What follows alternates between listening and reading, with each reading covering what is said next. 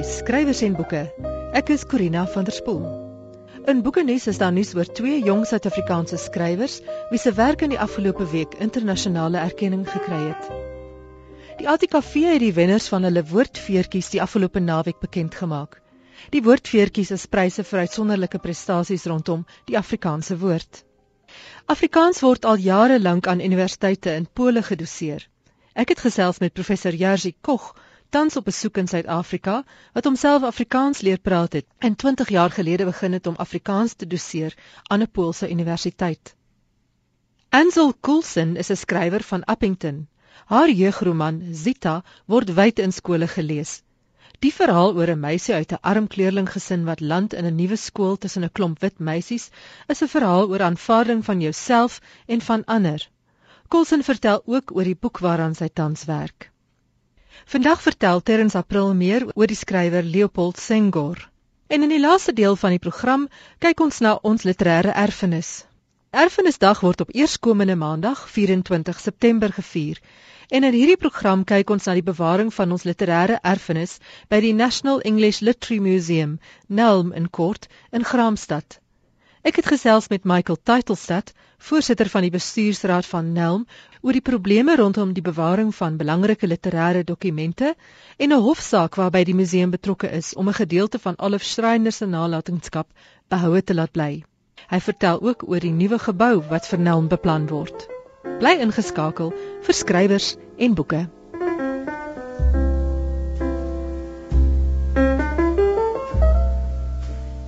Sifiso Mzobe se roman Young Blood is pas aangewys as die wenner van die 2012 Woli Soyinka Prys vir letterkunde in Afrika. Hierdie jong skrywer van Umlazi, Durban, se roman Young Blood gaan oor 'n jong man wat betrokke raak in die wêreld van geld, drank, dwelms en gierigheid. Op 17 verlaat hy die skool en werk vir sy pa in sy motorwerktuigkundige winkel, maar slags raak hy betrokke by motorkapings. Die Woli Soyinka Prys vir letterkunde in Afrika is 'n pan-Afrikaanse kreatiewe prys vir boeke van enige genre. Dis in 2005 ingestel om Afrika se eerste Nobelpryswenner Woli Soyinka te vereer. Die wenner kry 20000 dollar, oftewel sowat 160000 rand.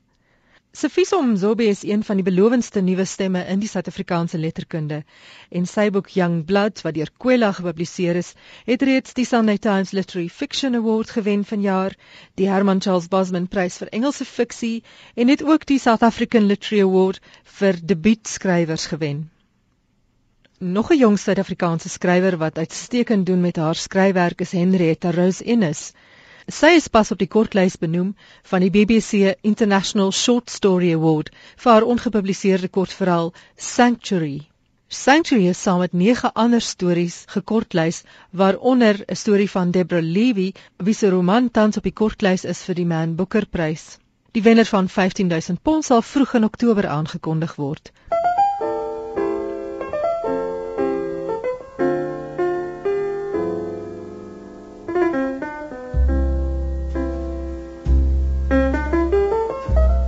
ATKV het die wenners van hulle woordfeertjies bekend gemaak. Die woordfeertjies is pryse vir uitsonderlike prestasies rondom die Afrikaanse woord. Dan Sley se Wals met Matilda, wat reeds die Sanlam Groot Romanwedstryd gewen het en ook vroeër vanjaar aangewys is as die wenner van die Universiteit van Johannesburg se prys vir kreatiewe skryfwerk, het nou ook die ATKV Prosa prys ontvang. Die beoordelaars Cecile Silje, Tuis Himan en Riana Skeepers het die werk beskryf as 'n roman wat vir die leser meer as een verhaal vertel en dat die Afrikaans mees sleurend is en die leser onweerstaanbaar in die verhaal ingetrek word. Sofia Kap se roman Huis van die Wind wat by Lapa Uitgewers uitgekom is, is aangewys as die wenner van die prys vir liefdesromans. Die prys vir poësie het gegaan aan Joan Hambidge vir haar bundel Wiesems by Verstek wat by Hemel en Resou verskyn het. In die kategorie spanningslektuur het die prys gegaan aan Dion Meyer se Sewe Dae wat ook by Human en Resou verskyn het. Die beste dramateks was Willem Anker se Samsa masjien. En die woordwystoekenning vir woordeboeke en taalgidse is gegee aan die Woordeboek vir die Gesondheidswetenskappe, Dictionary for the Health Sciences, wat saamgestel is deur J.D.V. Logner en by Faros verskyn het. Hierdie woordeboek is beskryf as 'n omvattende vakwoordeboek wat die Afrikaanse vaktaal bevat van bykans alle gesondheidsterreine.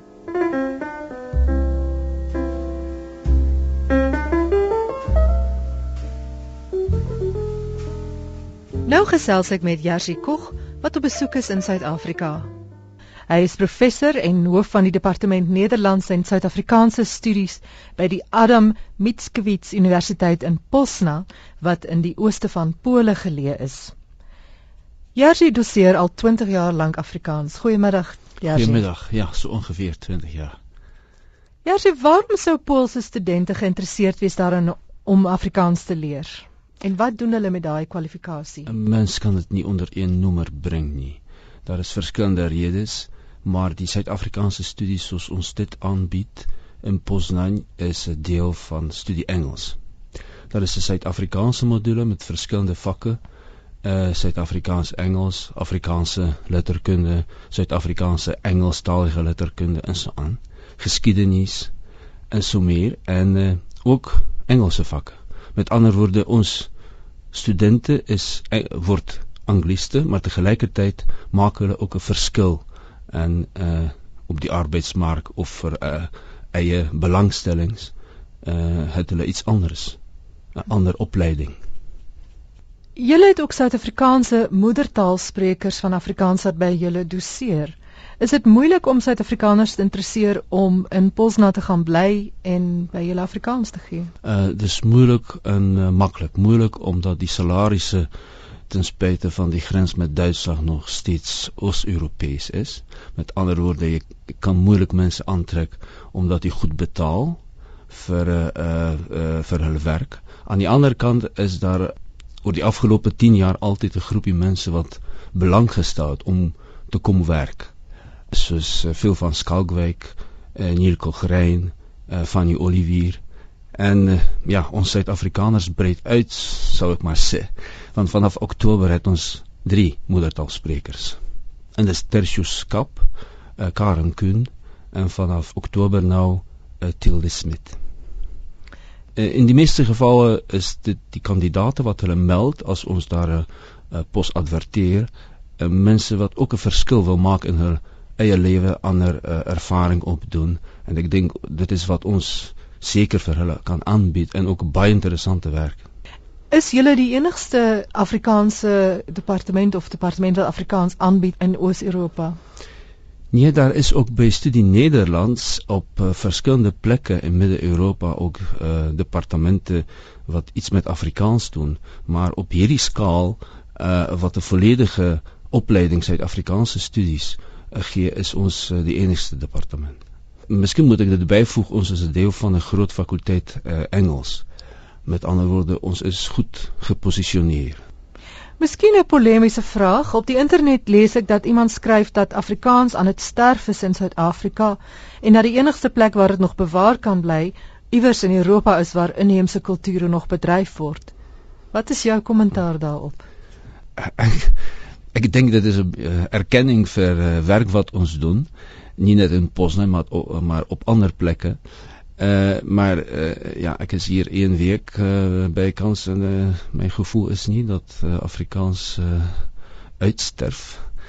Nee, ek dink solank daar mense is wat dit wat die taal praat, is daar is daar geen probleem nie. Natuurlik die die die funksies wat die taal deesdae vervul is anders as 20 of 50 jaar uh, gelede, maar as ons 100 jaar uh, terugkyk, was dit ook anders. Met ander woorde, die taal is in beweging, al die taal is in is in beweging. Dis hoekom die bestudering van die taal, maar ook die klas gee oor tale, literatuur en kulture so 'n groot uitdaging is die die ganse tyd. Het jy baie studente jaar sien? Ons kan eintlik nie kla nie vir hierdie jaar ons begin ons nuwe akademiese jaar in Oktober uh, uh was daar 28 inskrywings wat ons aanvaar het. Was meer inskrywings bo 40 maar studie aan die staatsuniversiteit in Pole is gratis.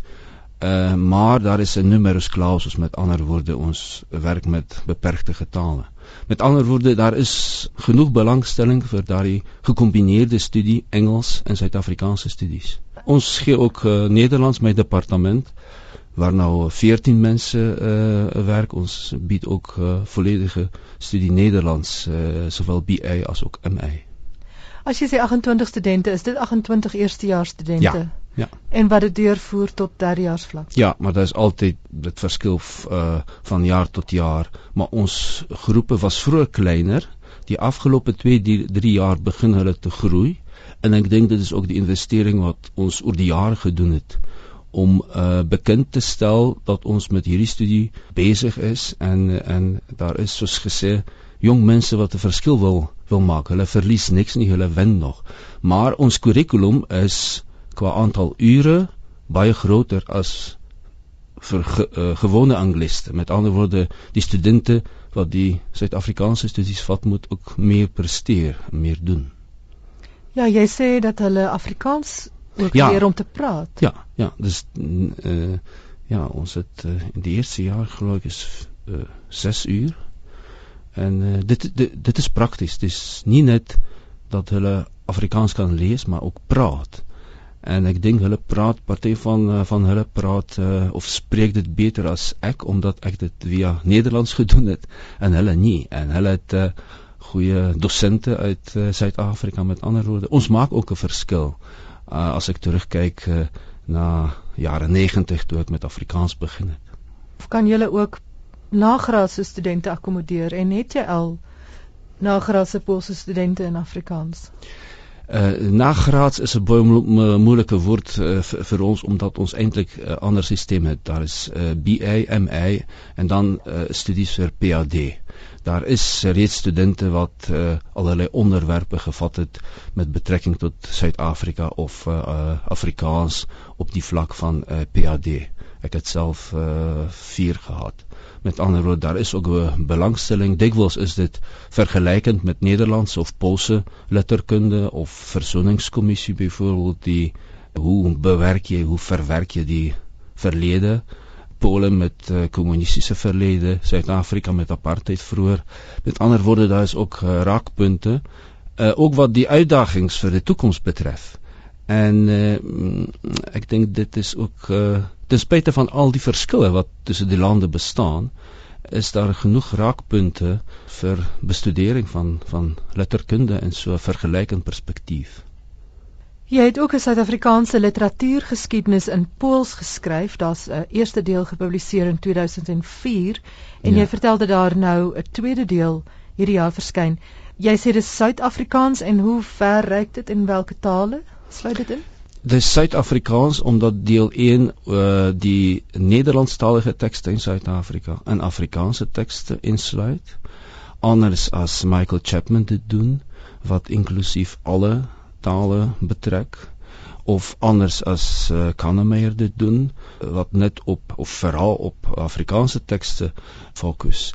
En uh, dit was dit was 'n poging van my om uh, vanuit die onderwys situasie en lesings en klasse vir my studente ook die literêr historiese proses te, te beskryf net met betrekking tot die twee tale. En deel 1 was tamelik groot en ek het by die Anglo-Boereoorlog 'n grens gemaak en nou begin ek met deel 2 of ek sluit eintlik my ondersoek in die skryf. Dit moet hierdie jaar nog ver, uh, verskyn tot uh, uh, jare 30. Maar deel 1 word uh, in hierdie stadium vertaal na Engels. Ek het borge gekry van die Poolse ministerie vir daardie vertaalwerk en uh, ek onderhandel nou met uh, uitgewers om dit in Engels te publiseer.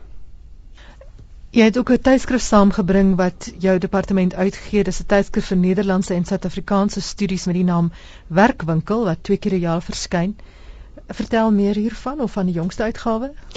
Die jongste uh, uh, uitgawe in herfs gaan oor Kutsie. Jem Kutsie was op besoek in Polen in verband met die wêreldpremiere van Slowman as opera En hij heeft ook eh, die eredoctoraat van mijn universiteit ontvangen. Dat was begin eh, juli. En ons het besluit om die eh, nummer van hier jaar, najaar, aan hem te wijden. Ik hoop dit wordt een interessante uitgave. Ons werk met drie talen. Bijdrage wat ons publiceer kan in Engels, Afrikaans of Nederlands wees. Met andere woorden, dit is zoals die ondertitels: tijdschrift voor Nederlandse en Zuid-Afrikaanse studies.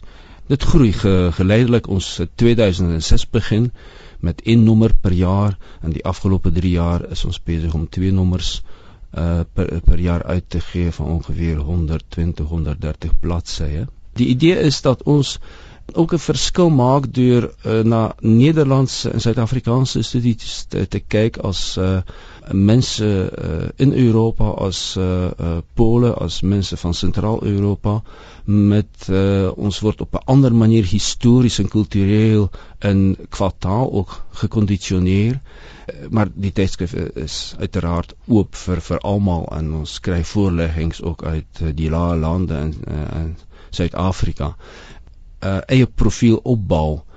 Ja, as jy miskien 'n laaste vraag, watter deel van ons letterkunde interesseer Poolse studente die meeste?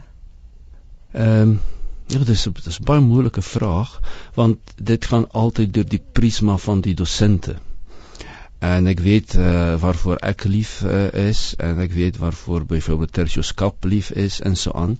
Maar ek dink uh, dit is belangrik om vir ons om vir te wys die verskeidenheid wat kom ons sê net Afrikaanse letterkunde, die verskeidenheid van ideologiese standpunte, van uh, verskillende tekste, van kort kort ver, uh, verhale waar eintlik uh, Afrikaanse letterkunde baie belangrik is, tot tot romans en uh, uh, ja, ek sou sê met Adam Small se kan ek om huis toe is nogal moeilik omdat dit Kaapse uh, is maar uh, hierdie uh, uh, bonte verskeidenheid van taalforme en van literêre forme uh, sienings dit is vir ons studente ek kan sê die die wêreld gaan oop 'n heeltemal ander wêreld en Afrikaans speel hier 'n uh, baie rol omdat ons binne die studies nie net met Engels werk maar ook met uh, met Afrikaans.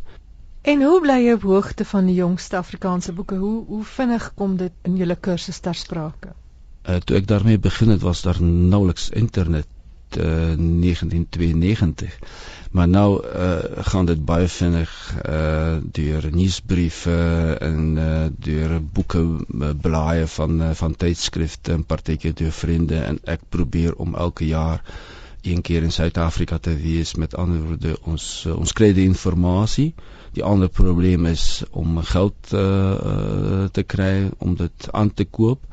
Uh, maar die inligting is steeds daar en ek hoop dit bly nog dat die tydskrifte byvoorbeeld toeganklik bly op internet en nie altyd teen betaling nie want ek sien nou is 'n uh, is 'n probleem dit sou vir vir vir uh, ja miskien vir Engels of vir Frans nie 'n groot probleem wees nie maar vir Afrikaans is dit miskien 'n groot probleem vir uh ook die Afrikaanse diaspora maar ook vir mense die klein klomp, klomp uh, mense elders in die wêreld wat iets met Afrikaans uh doen as daar 'n soort versperring kom op uh, internet en moet teen bedra pas toegang kry tot uh boeke resensies en so aan.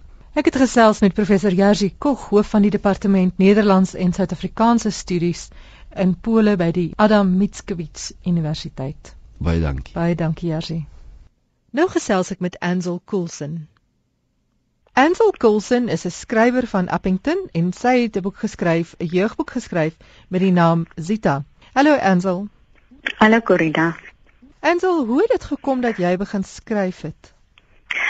Weet jy Corina, ek vertel graag dat toe ek op skool was, het ek altyd die of toe ek nou nog baie kleiner was, het ek altyd die verskriklike so stories opgedis en my ouma het altyd bekommerd gesê hierdie kind gaan nooit die hemel haal nie want sy jok te veel. En uh, ek het nou heelwat later ontdek dat as 'n mens skryf dan kan jy jok en jy kan skinder sonder dat dit sonne is. So skryf is maar vir my uiting 'n manier om uiting te gee aan my verbeelding, jy weet om om al hierdie stories wat in my kop aan vorm is um, lewe te gee. So ek skryf en maak stories op al van van dat ek kan onthou. Dit is net heelwat later dat dit begin rigting kry het en dat dit regtig tot iets gelei het. Jy het groot geword in die Appington omgewing en die taalgebruik van jou boek is nogal baie besonder. Dit reflekteer iets van daardie gemeenskap. Vertel meer daaroor. Ja, weet jy, um, ek het aanvanklik toe ek op die eerste manuskrip aan die uitgewer voorgelê het, het sy vir my gesê, gaan skryf soos 'n breinkind. En ek het begin in 'n uh, manuskrip skryf wat uh, heel wat standaard Afrikaans ingehaat het en sy het vir my teruggestuur en ek sê nee, maar dit is nie hoe jy praat nie.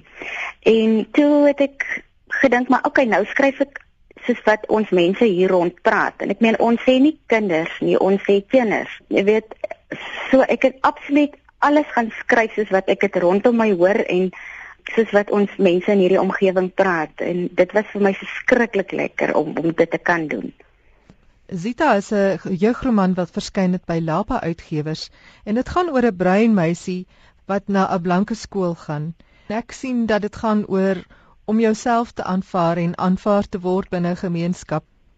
Ja, weet jy, um, ek het op skole onderwyser gehad wat wat eendag vir ons seker die beste les gegee het wat ek wat ek ooit in my lewe of op my skoolloopbaan gekry het. Hy het gesê die kinders wat daar in sy klas sit, het die beste verskoning om niks te word nie.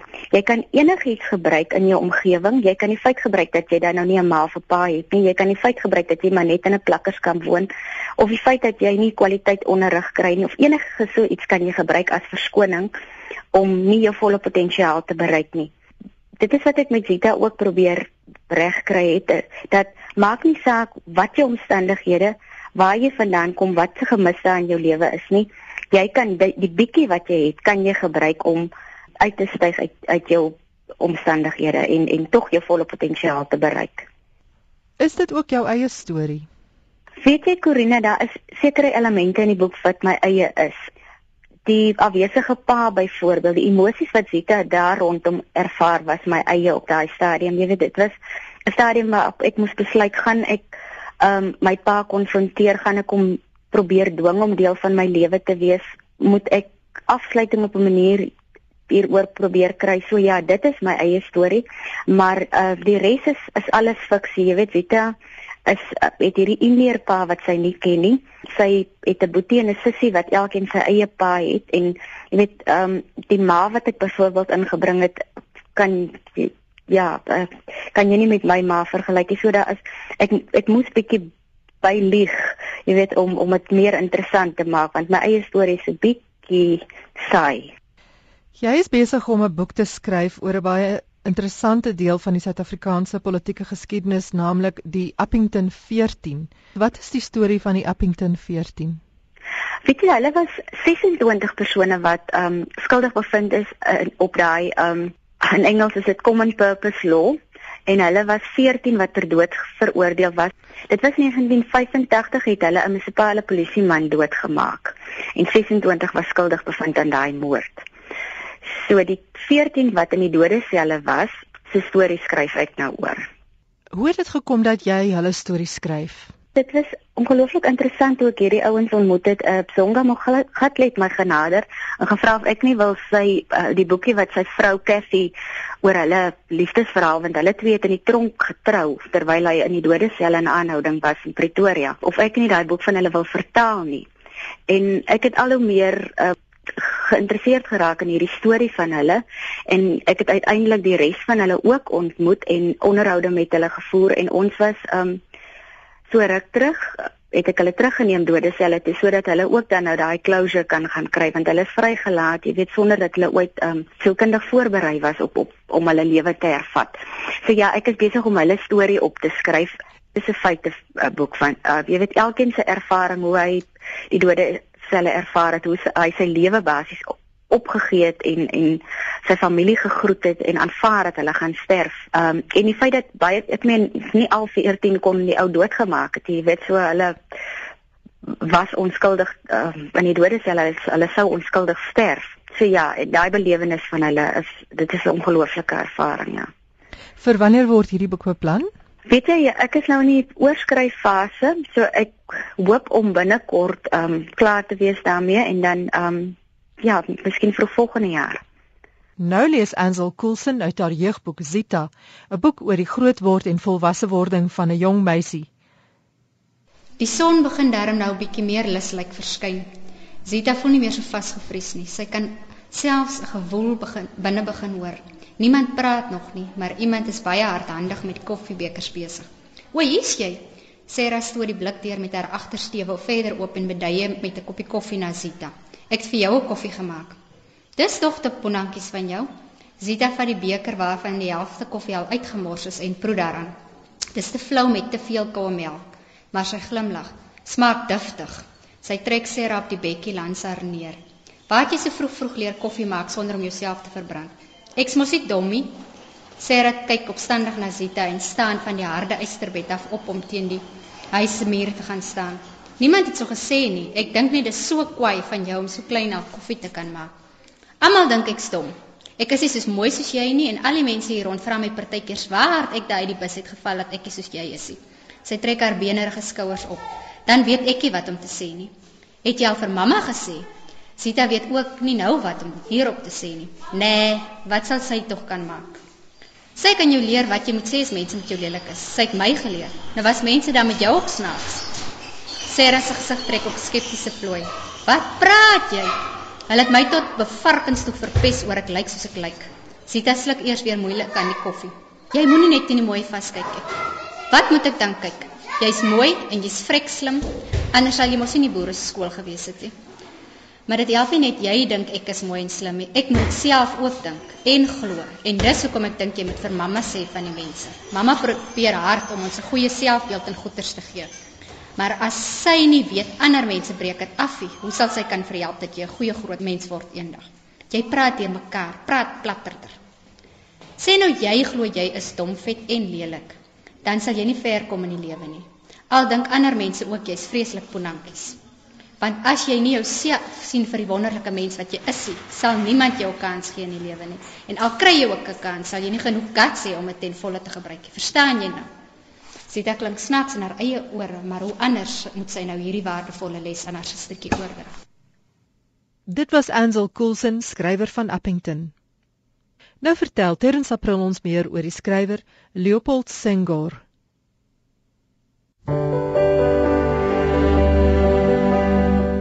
Leopold Cedar Senghor is in 'n klein vissersdorpie naby Dakar, Senegal in 1906 gebore.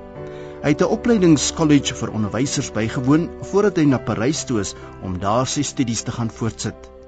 Terwyl hy in Frankryk was, het die Tweede Wêreldoorlog uitgebreek en hy was in die land vasgekeur toe die Duitsers Frankryk binnegeval het. Na die oorlog word hy as professor in Afrika tale aangestel voordat hy in 1960 terugkeer na Senegal. Leopold Senghor het met sy terugkeer 'n loopbaan in die politiek begin en is kort voor lank tot president van Senegal verkies. Hy het vir 20 jaar in die amp gedien voordat hy in 1980 die tuig neergelê het.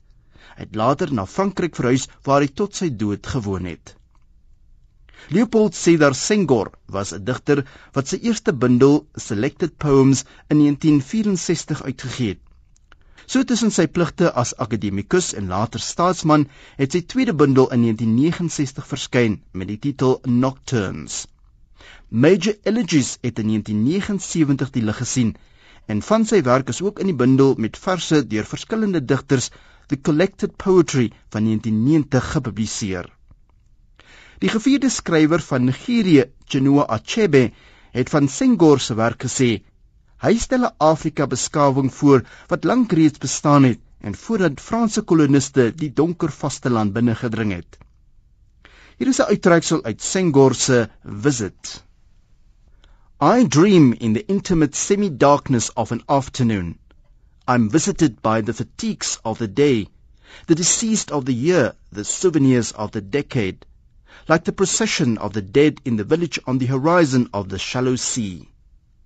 It is the same sun bedewed with illusions, the same sky unnerved by hidden presences, the same sky feared by those who have a reckoning with the dead, and suddenly my dead draw near to me.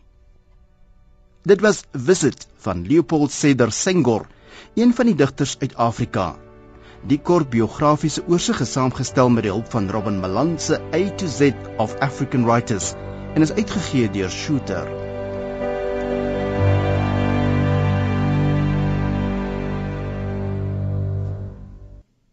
Dit was Terrens April oor die skrywer Leopold Senghor. Erfenisdag word op eerskomende Maandag 24 September gevier en In hierdie program kyk ons na die bewaring van ons literêre erfenis by die National English Literary Museum in Graamsstad, ook bekend as NELM. I'm talking with Professor Michael Teitelstadt, who is head of the English department at the Wits University. I am speaking with him in his capacity as chair of NELM, of the NELM Council, which is the National English Literary Museum in Grahamstown. Hello, Corina. Hello, Michael. The National English Literary Museum in Grahamstown, NELM, is embroiled in a lawsuit around some documents that is held in its archive. Could you tell us more about this? I can. The matter is still open and uh, still being pursued by the lawyers that are representing NELM, but the case entails a descendant of Cronwright and Schreiner, Olive Schreiner.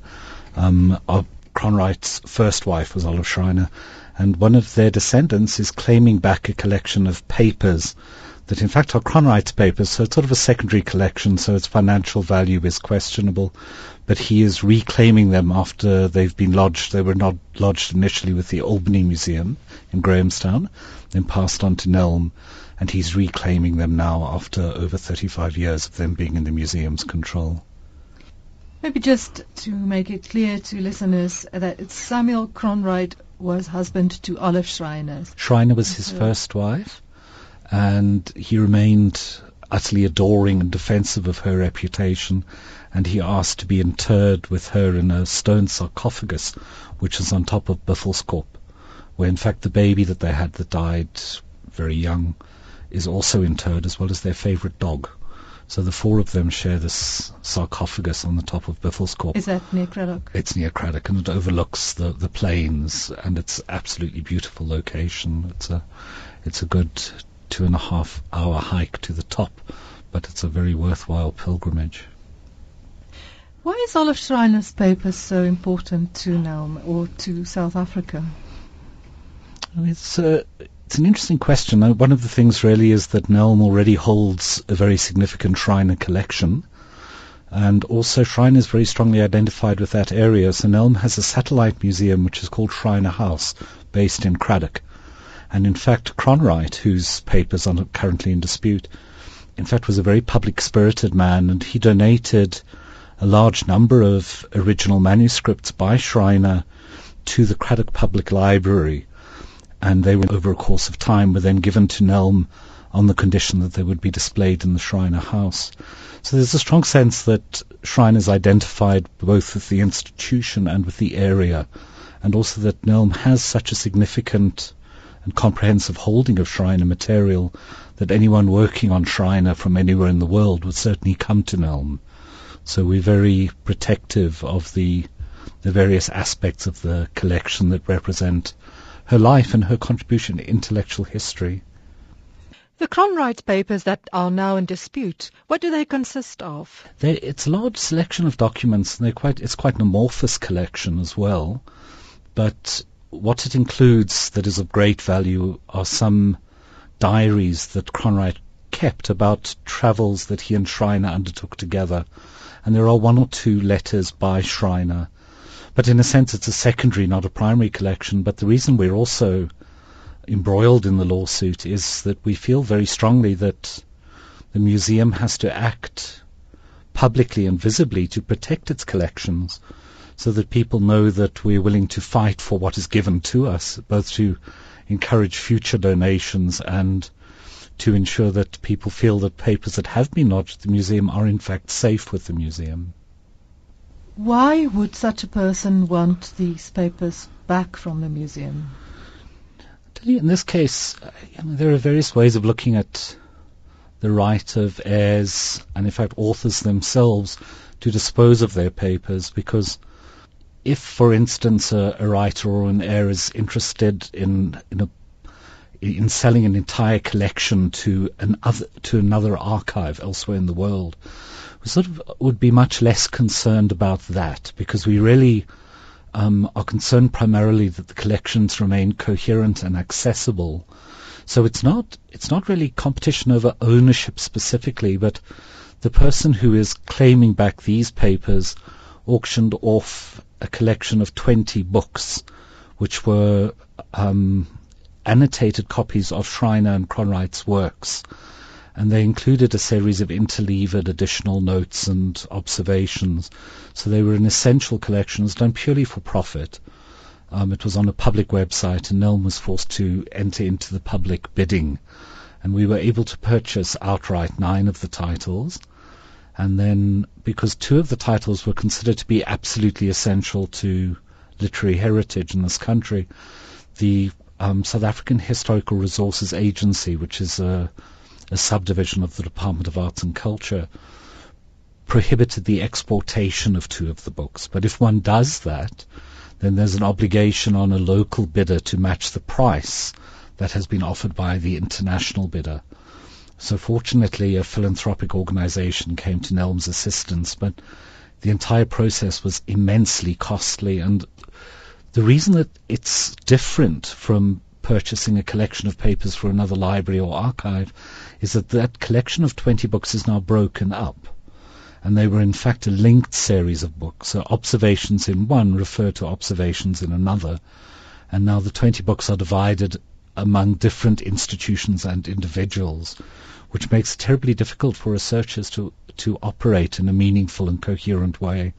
And also it's purely a matter of cynical profiteering. Again, if a family member were to reclaim a collection for research or sentimental reasons, we would be far better disposed than we are to a claim which is purely in the interests of making money out of the legacy of two people, in fact, who were uh, remarked not just public spirited, but in fact acted so richly in the interests of this country's culture and heritage. You know that um, being Schreiner and Cronwright. Schre- sorry, yes, Schreiner and Cronwright. Um, Cronwright's will, which I was reading through the other day, established a uh, and this is in, in 1931, established a, a, medical bursary for women students to study at UCT. And even in 1931, he insisted that race not be a criterion for the selection of of the person who was given the bursary. And there's a wonderful little anecdote where he says that no additional conditions may be placed on the successful applicant because she's a woman. There was a strong feminist and strong political activist dimension to both of their work and to feel that a descendant is purely making money on the basis of that heritage seems a complete travesty, both unethical and, uh, in a sense, very detrimental to this country's intellectual history. What is the role of auctioneers in keeping our literary heritage safe, or for that matter, to sell it off?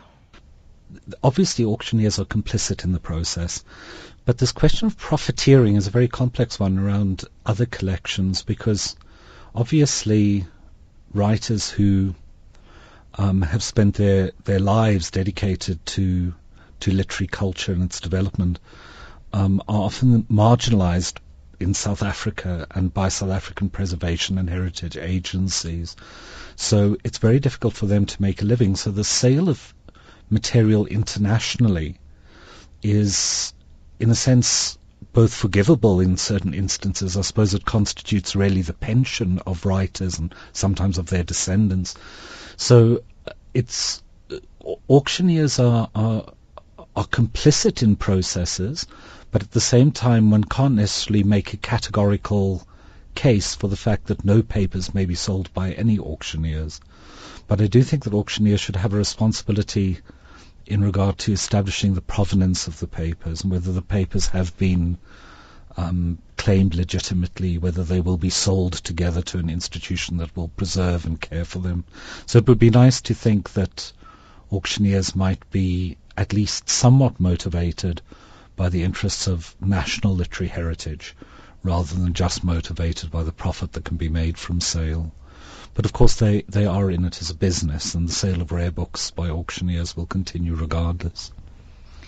Are the Schreiner or then Cronwright papers very valuable?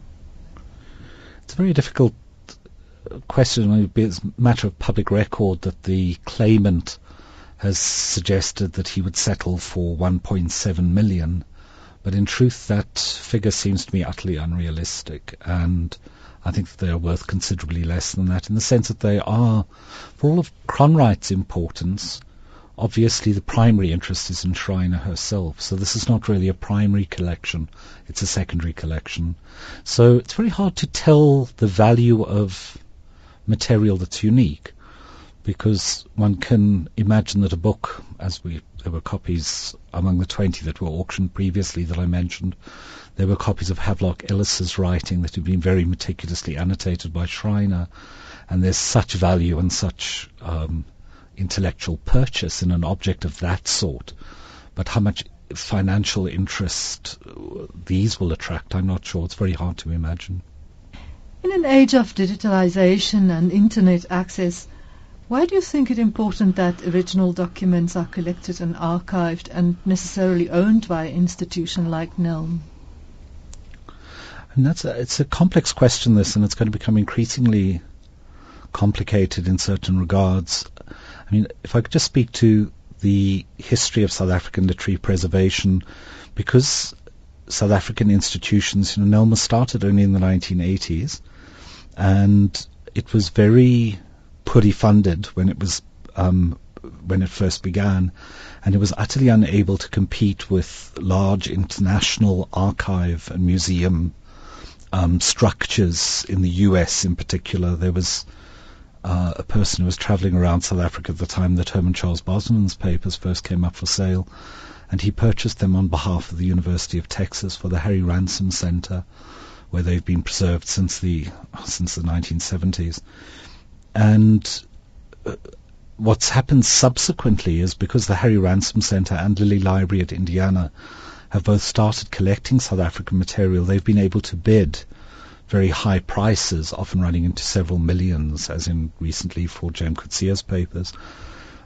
Um, so NELM's not really been in a position to purchase those. And it's a very indirect response to your question because one will be able to transfer material digitally among various organizations, but NELM has not been able to do so because of the budget on which it's functioned. This will change in the future.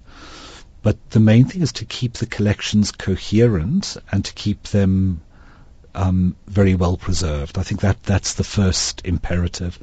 But the, the the question about original manuscripts is partly because I think in a context like South Africa, if we could start thinking of heritage preservation slightly more generally, often bringing collections together even across, well, particularly across different languages, might facilitate new intellectual directions and new forms of research. And sometimes it is a matter of quite literally flicking through files of material that things suggest themselves to researchers. Certainly people are able to do so digitally to a degree, but sometimes an engagement with the material object makes a very significant difference to the way in which research proceeds. So, what are the problems that national heritage institutions face uh, in terms of making these or keeping the ownership of South African documents and archives? Well, the first is financial, and this is it's very. I think the Department of Arts and Culture and the um, historical res- the the Heritage Resources Agency that I, I mentioned earlier on are both doing everything they can in terms of legislation. But the fact is that as long as there's a gradient of wealth between South African institutions and those abroad who are able to pay far better for collections, they will tend to flow north. So the first thing we need is a fund that is meaningful so that we can bid in a way which is competitive with international agencies regarding regarding the material to, to, to, to, to gain control of the material. However, there's something which relates to your question earlier about digitization, is that the museum, the NELM itself, is in the process of digitizing its collection and also putting its entire holdings and uh, its list of acquisitions online, so people will be able to establish electronically exactly what it is that NELM holds, which hasn't been the case until quite recently. And also then we're planning to proceed on an open access policy thereafter because NELM is moving to the most magnificent new facility, which is due for completion in 2014. So NELM at present is housed in the remains of an old high school and convent, and it's a creaky old wooden building in which filing cabinets have been placed in every corner to try and keep the material safe, and it's it's well preserved, but it's by no means a world-class archive and by no means a world-class preservation institution, but the new building will be. I wanted to ask you about that. It's such exciting news that Nelm is going to get a new building, and I've seen the plans and it looks very, very impressive. Will you tell us more? I was on the council for three years, and I've just chaired the council now for two years. And the the the current council is the inheritor of a two-decade-long struggle by both the staff of NELM and various institutions in the country to actually have a dedicated museum built. And at last, the government has seen fit to allocate the amount of money that is entailed in developing a world-class literary museum and archive. It's going to be the most beautiful and remarkable facility. It'll be a flagship building in so many ways for heritage in, in this country. It's in Grahamstown. It's in a lovely part of Grahamstown. Uh, for those people familiar with Grahamstown, the 1820 Settlers Memorial, if one were to imagine the other side of the valley, so to speak, looking over Grahamstown, it's in a suburban area, which is currently a large park, and it's going to be a green building. So it's going to be also one of the first government buildings which is built entirely in um, ecologically sound ways in terms of every single aspect of its construction. It also will have underground archives which will compare with the best archives in the world. We've consulted with institutions uh, across the world about the standards of archiving and preservation. The, the importance of that is uh, partly it's just will be a massive, incredible pride and it'll be wonderful for local researchers. But it also does mean that we'll be able to exchange material with other institutions elsewhere in the world because currently the Harry Ransom Centre or Lilly Library, etc., is very unlikely to loan material to, to NELM. But in its new facilities, such versions of exchange, both physical and digital exchange, will be possible. So we're hoping to to integrate NELM into a network of places where South African literary resources are kept so that it's not an isolated institution and so that it gets to benefit from all of those um, collections that have left the country. And, and these institutions are mostly used by literary scholars, is that right? They are used primarily by literary scholars. NELM, though, has an education outreach program across the Eastern Cape currently, and the plan is to make that outreach program uh, far more extensive from the new building. This was outreach will cease to be the right word because many people will be able to visit and school groups will be able to visit Nelm. But it's also planning to liaise directly with all those organizations and all those departments involved in the teaching of literature at school level from primary school all the way through to high school and to prepare educational materials for high schools and to promote South African literature nationally. So though it's based in Grahamstown, the entire agenda of the new building and the new museum is to really focus on, on national possibilities rather than local possibilities.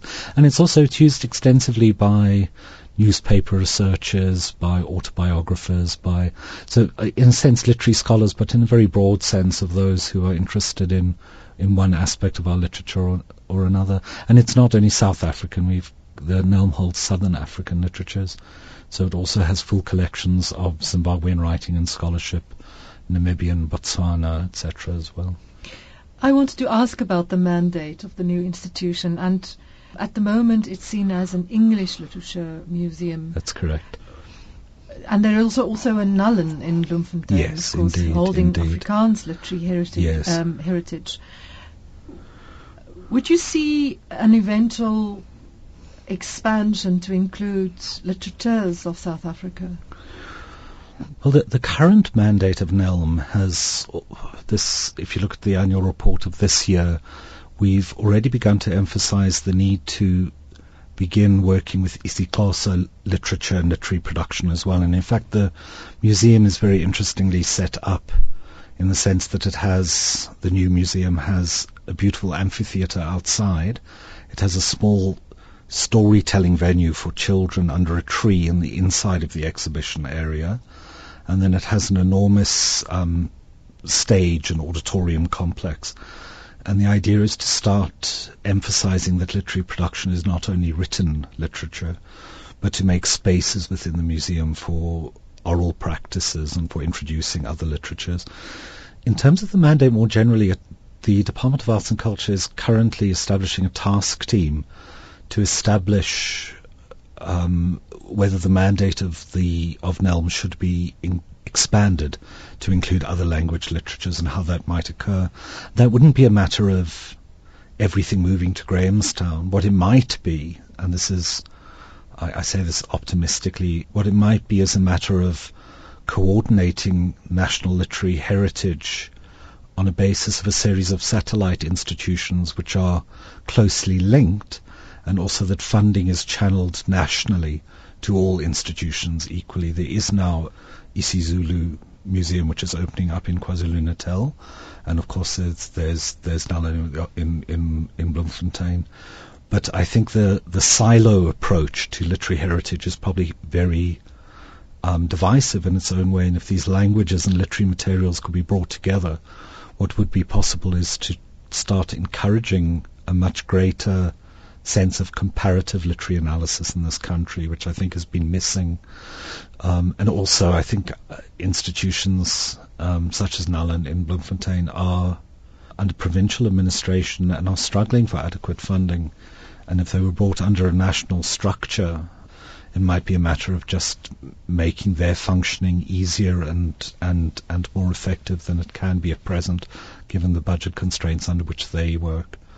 We will suddenly have this wonderful facility which we hope everyone will be, will be happy to use and sharing. This leads me to the question of adequate resources. I mean, this is a beautiful building that's going to cost many millions of rand, and that has been allocated yes. by the Department of Arts and Culture. But does DAC have the political will to make funding available to make a new extended museum a sustainable world-class facility that can also acquire important collections? I think there's a strong political will. The difficulty is is funding and budget allocation. So ultimately, it's a matter of it's a matter of approaching the treasury. And um, Minister Paul Mashatile has been very welcoming of proposals and requests for additional funding as long as institutions can demonstrate through a kind of shareholders compact that the money is being spent wisely and carefully and accurately. And there's a very, very clear sense of financial reporting within the Department of Arts and Culture. So my sense is that the resources could be made available, um, but we will have to work relatively slowly and relatively strategically because there's a, a, limited amount of money to go around, even within the Department of Arts and Culture, and it faces many different um, obligations other than other than just heritage, and certainly other than just literary heritage. So it is going to be a, a competitive and slow process. I think the will is definitely there, but it's a matter of very careful and strategic motivation to to achieve the, the amounts of money or to acquire the amounts of money that are necessary for, for, for acquisition. At the same time, though, if digitization and sharing contracts are put in place, then a great deal can be achieved with relatively little investment. That's the interesting thing is once you've got a very good facility which is functional, it's not a mat- matter only of buying, it's a matter of being able to gain access and to work on a, a, an open access model, which I think is very very important politically, and I think that's the the way that information has to move in this country, and particularly in relation to heritage. Well, Michael, as chair of the NELM Council, I wish strength to your arm and in those strategic decisions that have to be pushed through, and um, and I hope it goes very well with the new NELM. Green, thank you, and thank you very much indeed for the opportunity to speak about NELM. And I just must close by saying that the NELM staff does the most amazing job under currently very stressed conditions, and I'm sure that they will rise to the occasion of the new building and that it will add a great deal to the country. Ek gesels met professor Michael Titelstad, voorsitter van die bestuursraad van NELM en ook hoof van die departement van Engels by die Universiteit van die Witwatersrand. Dit is al verskrywers en boeke vandag. Ek groet jou tot volgende keer.